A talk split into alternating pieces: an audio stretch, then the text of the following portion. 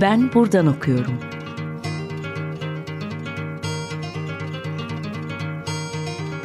Edebiyat ve başka şeyler.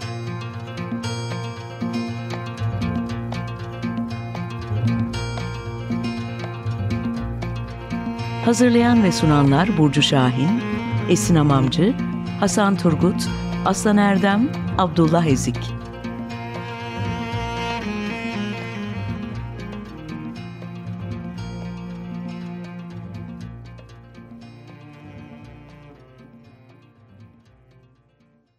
Merhaba, Açık Radyo'da Ben Buradan Okuyorum programındasınız. Ben Burcu. Bugün konuğum Açık Radyo programcılarından olan Deniz Gündoğan İbrişim. Hoş geldin Deniz. Hoş bulduk, merhaba. E, Deniz'de yakınlarda çıkan Demet Gülçiçek ve Emine Erdoğan'ın derlediği Feminist Eleştiri, Arayışlar ve Müzakereler kitabındaki makalesi üzerinden konuşacağız. Ama her zaman olduğu gibi yine de bir kısaca bilgi vereyim senin hakkında da. Ee, İstanbul Üniversitesi İngiliz Dili ve Edebiyatı bölümünden mezun Deniz. İstanbul Üniversitesi Kadın Çalışmaları ve Central European e, Üniversitesi Toplumsal Cinsiyet Çalışmaları bölümünden iki yüksek e, derecesinde Latife Tekin romanları üzerine yazdığı tezle e, tamamlıyor. 2002-2014 yılları arasında İstanbul Teknik Üniversitesi'nde Yabancı Diller Fakültesi'nde öğretim görevlisi olarak e, çalıştı. E, Sema Kaygus ile birlikte hazırladığı, derlediği Gaflet, Modern Türkçe Edebiyatın Cinsiyetçi Sinir Uçları kitabı 2019'da Metis yayınlarından çıkmıştı. E, Sabancı Üniversitesi'nde de halen çalışmakta Deniz. E, şimdi biz e, dediğim gibi Demet Gülçiçek ve Emine Erdoğan derlediği Feminist Eleştiri e, kitabını konuşacağız. Alt başlığı da çok çok önemli kitabın zaten. E, onu da özellikle vurgulamak gerekiyor e, diye düşünüyorum. Arayışlar ve müzakereler ki e, Aksu Bora'da e, bunu e, çok iyi bir şekilde ifade ediyor zaten. E, sunuşun başlığında da meselenin değiştirmek olduğunu söylüyordu Aksu Bora. Dünyayı feministçe öğrenmekten ve feminist bilginin de konumlu bilgi olduğundan bahsediyordu. Biz de seninle buradan başlayalım mı? Yani dünyanın feministçe öğrenilmesi ne anlama geliyor? E, kimileri için hala oldukça da kısıtlayıcı algılanabilir ya bu, e, bu bakış. E, Birçok feminizm tanımı da var. E, sen nasıl bir yerden bakıyorsun bu duruma? Ee, çok teşekkürler Burcu. Ee, gerçekten hem e, Aksu Bora'nın sunuşu hem e, feminist eleştirinin alt başlıkları e, gerçekten çok çok önemli. Tam da senin söylediğin yerden dünyanın feministçe öğrenilmesi, bu feministçe öğrenme yordamında işte müzakereler, sınırlar, imkanlar gerçekten önemli. Ee, sevgili Aksu Bora yazısını aslında Rebecca Solnit'in kurgu dışı kavramını atfettiği önemli başlıyor. E, bu bağlamda kurgu dışının yaratıcı ve yıkıcı kuvvetini, bizi ve dünyayı dönüştürme gücüne odaklanıyor. E, burada kemikleşen kavramlar, kalıplaşan görüşlerin altında da aslında neler saklı olduğunu e, bize tekrar yeniden e, bakmamızı öneriyor.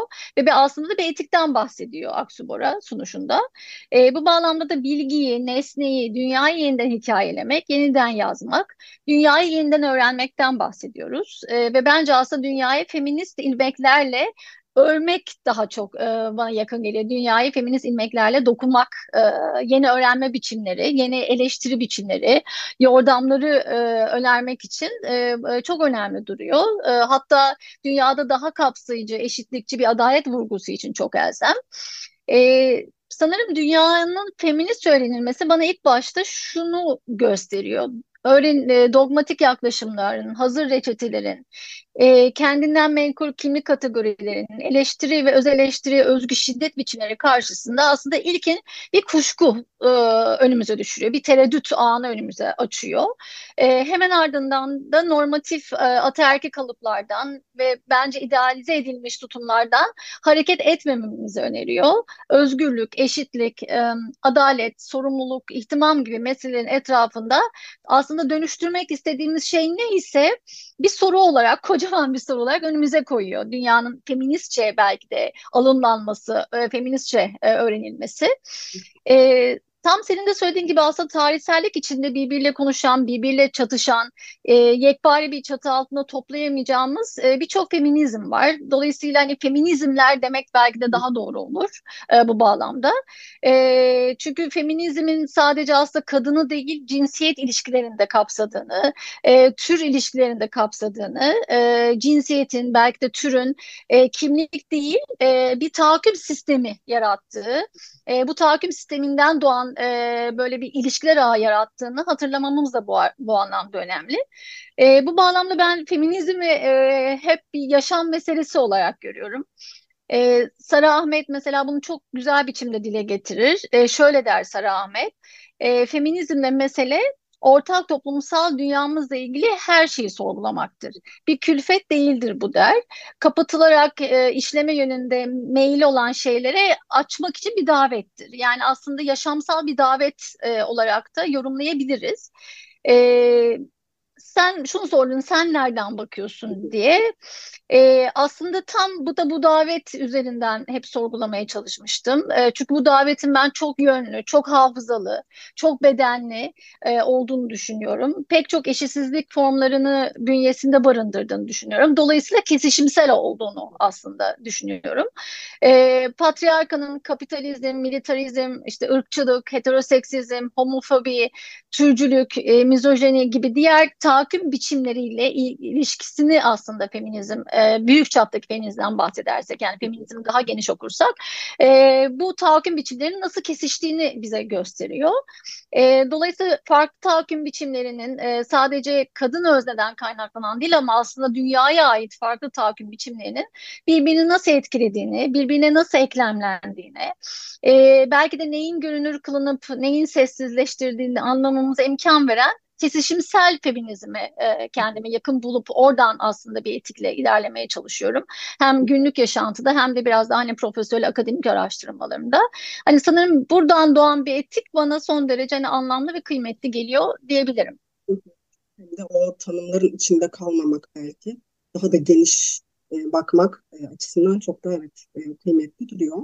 E, peki senin yazına e, birazcık e, girelim odaklanalım. E, yazının başlığı makbul insanlık, tahayyülünün ötesinde insan sonrası feminist eleştirilerde faillik ve ihtimam. E, ve yazına Frida Kahlo ile başlıyorsun. E, yazını yine Leyla Erbil'in kalanı ile bitiriyorsun. E, bu iki ismi sende bir araya getiren neydi diye önce bir sorayım ama bir yandan da başlıktan itibaren birçok soru da var. içinde taşıyor başlık. Ee, belki çok kısaca ifade etmek iyi olabilir bunları. Makbul insanlık nedir? İnsan sonrası feminist eleştiri nedir? Buralarda da belki dolaşabiliriz biraz. Tabii ki. Ee, aslında e, ben şu an e, birazcık mesafe aldığımda da başlığa baktığımda yani başlıkta zaten çok büyük ve e, meseleleri içeriyor aslında. Hani bunu bir şekilde e, kısa zamanımızda açıklamaya çalışayım. E, kısa cevaplar vererek e, söylemeye çalışayım. E, belki soruyu tersten cevaplayabilirim. Makbul insan ve makbullük insanlık kavramlarının karşısına ben şöyle bir resim koyabiliriz diye düşünüyorum.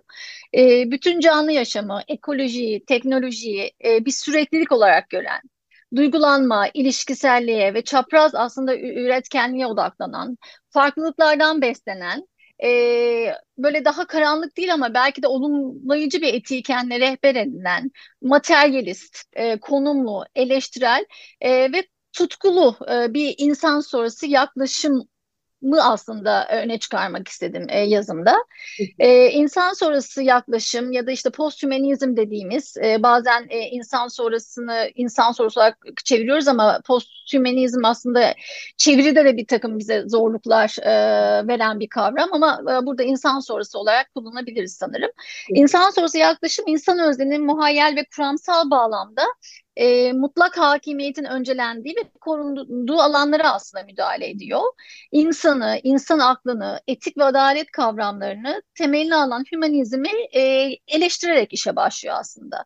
E, ve en genel ifadeyle erkek öznenin aklına ve vicdanına hükmeden otoriteleri reddederek daha eşitlikçi, daha kapsayıcı, e, aslında bütün canlı formlarının e, failini de tek tek kendine teslim eden bir adalet e, çağrısından yola çıkıyor çıkıyor. Bir inanç özgürlüğünden yola çıkıyor diyebiliriz.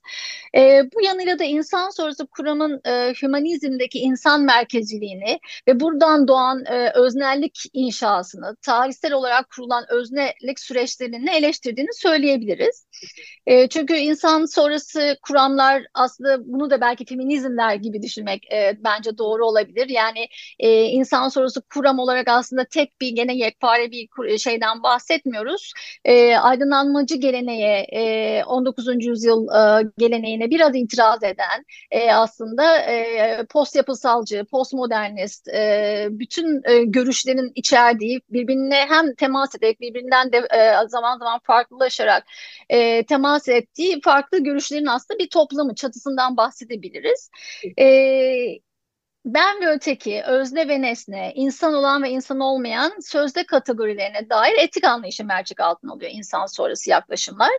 Dolayısıyla burada feminist insan sonrası kuramlar olarak nitelendirebileceğimiz şey, ve metodolojiler ve kuramlar topluluğu da esasen erkek insan modeline ve her şeyin erkek insan e, modelinin e, ölçütüne göre gerçekleştiği alanlara bir çelme takıyor diyebiliriz.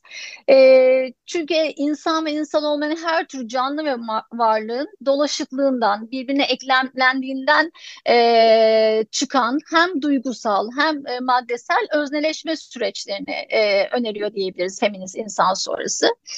E, burada mesela aklımıza gelen e, e, feminist felsefeci ve eleştirmen Rosie Braidotti vardır. E, Deleuze'cü düşünceyi postmodernist yaklaşımla inceleyerek hem hümanist perspektifi genişletmeyi, e, ona itirazını e, söyler, hem de erkek insan merkezi dünya görüşünü mesela terk etmeyi önerir. Bu bağlamda e, Da Vinci'nin mükemmel erkek insanını simgeleyen e, Vitruvius adamın çiziminden yola çıkarak Avrupa merkezci, hümanist anlayışı ve tüm standartlarının aslında ona göre belirlendiği batı odaklı insan tasarımı sorgular. E, ve tarihsel olarak bu insan tasarımın antroposa yani başka deyişle erkek insana hatta bunu e, eski kutsal kitaplardan da izini sürebiliyoruz. Tanrı'nın oğlu ya da Adem'in oğlu anlamına gelen antroposa e, bir çelme takar e, Rosie Gradotti. Bu antroposu kuran tarihsel e, süreçleri e, inceler. E, aslında burada makbul insandan kastettiğim benim yazıda da biraz bu tarihsel idealize edilmiş erkek özne. E, aklın, rasyonelliğin ölçütü olan ideal erkek özne ve aslında bu özneni e, kuran bütün kültürel, tarihsel ve politik süreçler e, makbul insan ve insanlık e, demek demeye çalıştığım.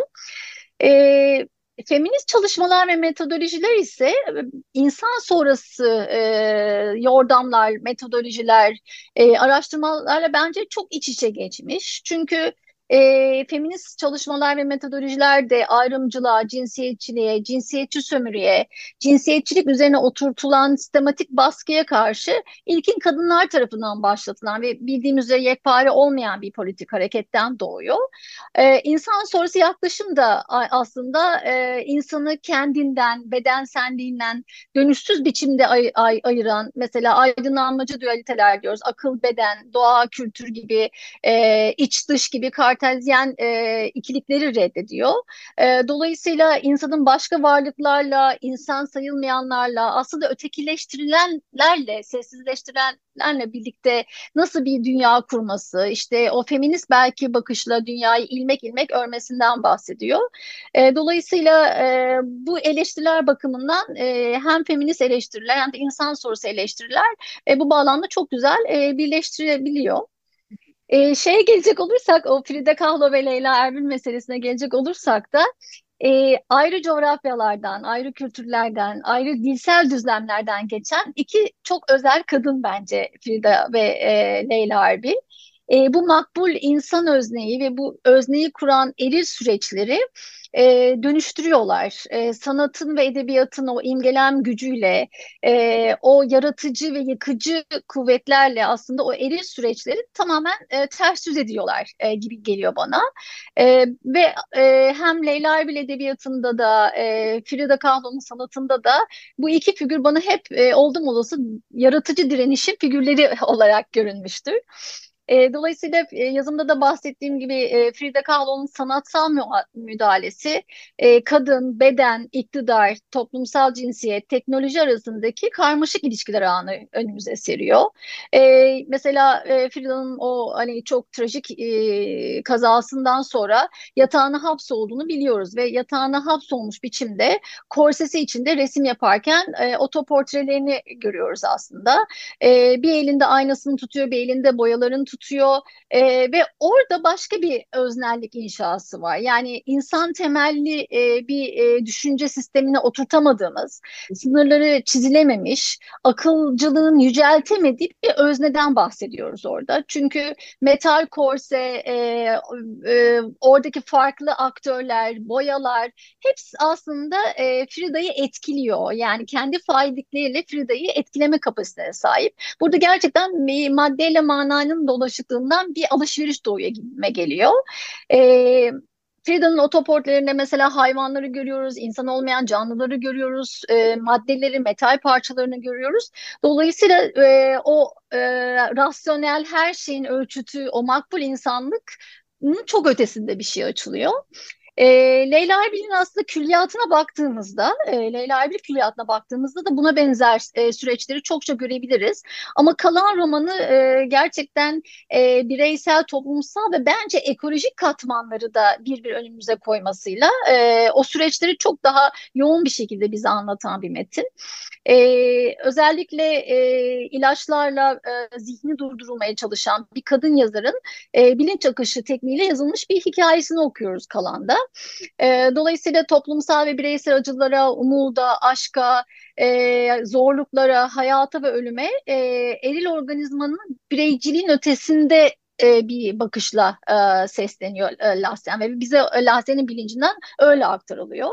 E, mesela e, kolektif hafızaya ve iyileşme olanaklarına odaklanırken e, Lahsen'in arka bahçesine göçüyoruz. E, oradaki bitkilere, böceklere e, göçüyoruz. Ya da e, gene e, metnin ilerleyen e, kısımlarında e, taşın hafızasına, yeryüzünün hafızasına, yani İstanbul'un biraz o bozulmuş, e, yozlaşmış e, ekolojik dengesinin e, bütün e, şekilde dile gelmesi hem Lahsen'in bilincinden ama hem de farklı farklı insan insan olmayan aktörlerin e, belki de faillikleriyle birlikte e, bizim önümüze düşüyor. E, dolayısıyla gene feminist insan sonrası kuramların e, eril tahakkümün e, ve tarihsel eril tarihselliği çok esnetiyor kalan. Bir de belki son olarak şeyi söyleyebilirim. O benim çok e, ilgimi çekmişti. Aslında bütün hikaye oradan doğmuştu diyebilirim ben. E, kalanda bir sınav telaşı sırasında kalemsiz kaldığını fark ediyor Lahsen. E, ve sınıftan umutsuzca bir kalem dileniyor. E, bir kalem arıyor arkadaşlarından.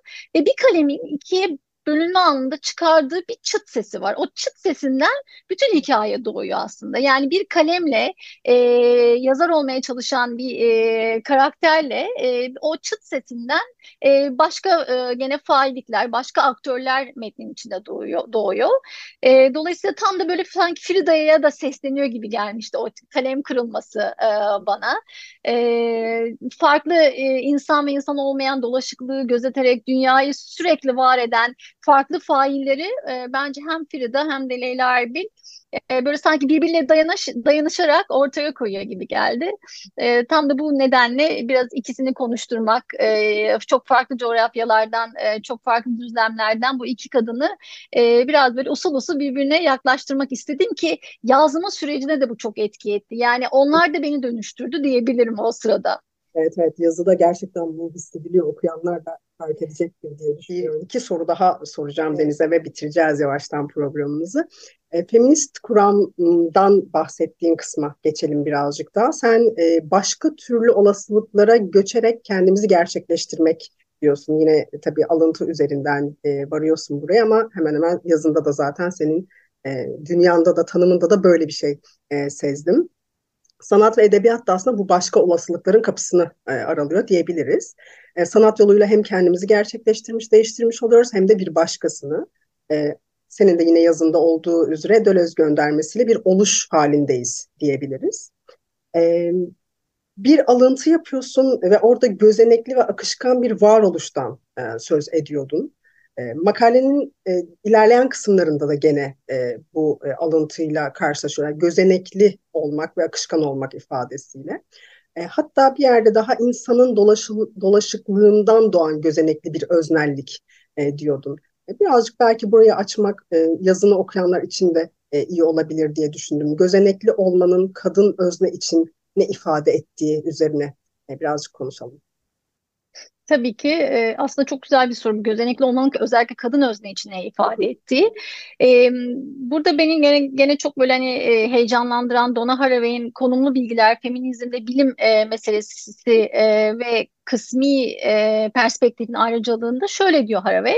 Öznelliğin topografisi çok boyutludur. Hangi surette gelirse gelsin bilen benlik kısmidir. Hiçbir zaman bitmiş, tamamlanmış, öylece mevcut ve kökensel değildir diyor. Bu yüzden başkasıyla her zaman bir araya gelebilir. O başkası olduğunu iddia etmeden onunla birlikte, onunla beraber görebilir diyor Haraway.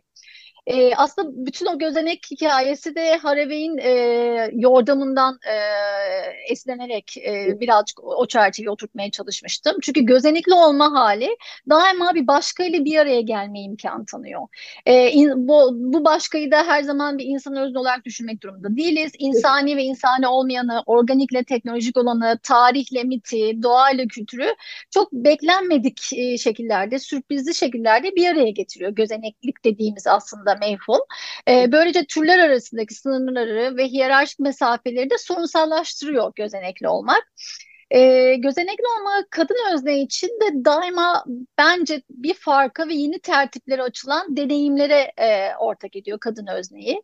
Özellikle araçsal akıl, düşünce, yorumlama, nesnellik süreçlerinde kadın kategorisini de kendisine büyük bir çelme takıyor. Yani o kadın kategorisini de sorunsallaştırıyor gözenekli olmak. E, bu da yeni bakışları tabii ki düşünceleri, eylem biçimlerini, sorumluluk alma meselesini hem mümkün hem de aslında gerekli hale getiriyor. E, dolayısıyla hiçbirimiz yekpare e, kendinden menkul e, bir özne halinde değiliz. E, o gözenekli olma hali, o geçirgen olma halinin e, çok daha farklı eylem biçimleri e, ve dünyada yaşama biçimleri açtığını söyleyebilirim. Kendine katabilmekle belki değil mi? E, kesinlikle. Sen de zaten yazında da insan sorusu kuramlı feminist eleştiriyor. yapıdan faydalanmış oluyorsun gene. E, bunun edebiyattaki izini de Leyla Erbil'in kalan metni üzerinden ve Lahsen'in kalanda da Lahsen'in delirmenin eşinde işte ilaçlarla yaşayan bir hakikat taşıyıcısı olarak görüyoruz. E, erdemli bir delirme hali diye yorumluyorum ben e, Lahsen'in e, durumunu. E, delirmek, işte susmamak, yazmak ve benzeri birçok şey e, aslında bu metnin hatırlama ile olan bağının çok sıkı örüldüğünü gösteriyor. Metinlerindeki bu taş da yine e, unutulmaması gereken bir meseleyi öylece ortaya bırakan e, bir ifadeymiş gibi geliyor bana. Aslında gelenin geçenin görebileceği bir şey olarak kalıyor ortada o taş. E, sen bu metni zoe yaşam kavramı üzerinden okumayı e, tercih etmişsin. Öncelikle bu kavramın e, etrafında biraz dolaşıp e, sonra işte hem kitapta da yorumladığın gibi metninde sarmaşığın ve taşın failliğinin anlamını e, bu çerçevede nasıl kurdun? Son olarak bunu sormuş olayım size. Tabii ki. E, Zoe kavramı e, özellikle Rosie Braidotti'nin e, Agamben'den e, esinlenerek Agamben'in e, Zoe ve Bios'unu e, yeniden okumaya tabi tutmasıyla aslında önümüze düşüyor. E, Zoe kavramı e, Braidotti'nin e, terminolojisinde ontolojik ilişkisellik doğrultusunda türler arası yaşamsal, e, olumlayan bir üretken bir güç olarak karşımıza çıkıyor. E, Zoe ortak insan anlayışının yani aslında izinde sürmeye çalıştığım o makbul erkek erkek e, insan anlayışının e, ki burada beyaz erkek, zengin, sağlıklı ve heteroseksist erkek özne olarak e, bu özne modelinin ekseninde var olmadığını, yaşamın e, buralarda gezinmediğini aslında Zoe bize söylüyor. E, beyaz, batılı, Avrupalı erkek insan modelinin dışında itilen bütün öznelerin aslında sömürülen, köle, yurttaş olmayan, kadın, hayvan, bitki, madde, yeryüzü gibi e, bütün öznelerin yaşamsal kendinden e, gene e, menkul yaşamsal e, kuvvetini ortaya çıkarıyor Zoe. E, siyasi ve daha çok politik bir zeminin e, ötesinde. E, dolayısıyla gene çokluk bilgisiyle karşı karşıyayız. E, Lahsen'de de aslında e, bütün Türkiye'nin yaşadığı ta aslında neredeyse Bizans'tan e, Osmanlı, e, modern Türkiye e, ve günümüze kadar e, Türkiye coğrafyasının diyelim e, maruz kaldığı ve yüzleşemediği bütün aslında kırılmalar, sancılar, toplumsal e, travmaları e, Zoe ile birlikte e, sanki okuyoruz gibi geliyor e, kalanda.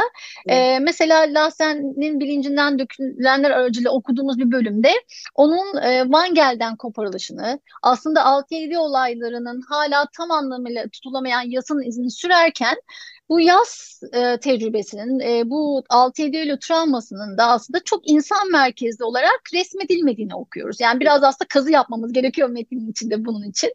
E, Lahsen'in belliğinin haykırışı burada mesela e, 6-7 Eylül travmasının hem bireysel hem toplumsal etkilerini bize verirken e, bu travmayla başa çıkma yollarını e, Zoe içinde veriyor. Nasıl Zoe içinde veriyor? Lahsen okuru Nemrut'a çıkartıyor mesela. E, türlü uygarlıklardan geçiriyor ve onu taşın ve rüzgarın bilgisine teslim ediyor. Ve tam o anda e, Vangel'e yakılan bir ağıda okuyoruz. Ah Vangel nerelerdesin? E, burada bir Türk kızı vardı Lahsen onu hatırlıyor musun diyor. Ve aslında Lahsen bütün belki de yasını taşa döküyor orada.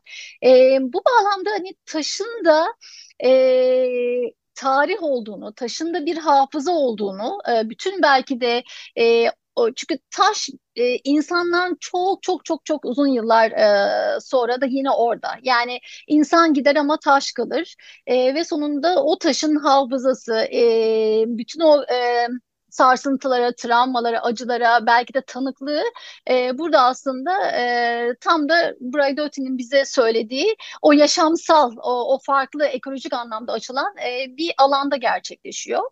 E, gene mesela sen de demin söyledin e, sarmaşık imgesi. E, sarmaşık imgesinde de aslında bunu e, biraz söylemem mümkün. E, mesela Lahsen'in bahçesindeki güller, dikenler, otlar, ağaçlar, insan olmayan bütün canlılar ile oradaki mesela nesneler, çuvallar, ızgaralar, kibrit kutuları da Lahsen'in belleğini etkiliyor. Lahsen'in belleğinde bir e, duygulanım alanları açıyor. E, ve bu ortaklaşmanın da sonucunda e, insan öznelerinin, e, insan özneleri için zalimler mesela tanımı çıkıyor orada. E, dolayısıyla e, mesela gene Sarmaşık'ın e, başka bir hikayesi de mesela e, üç katlı ahşap evin aslen Rum e, mimarı gizli Hristiyan Hacı Murat.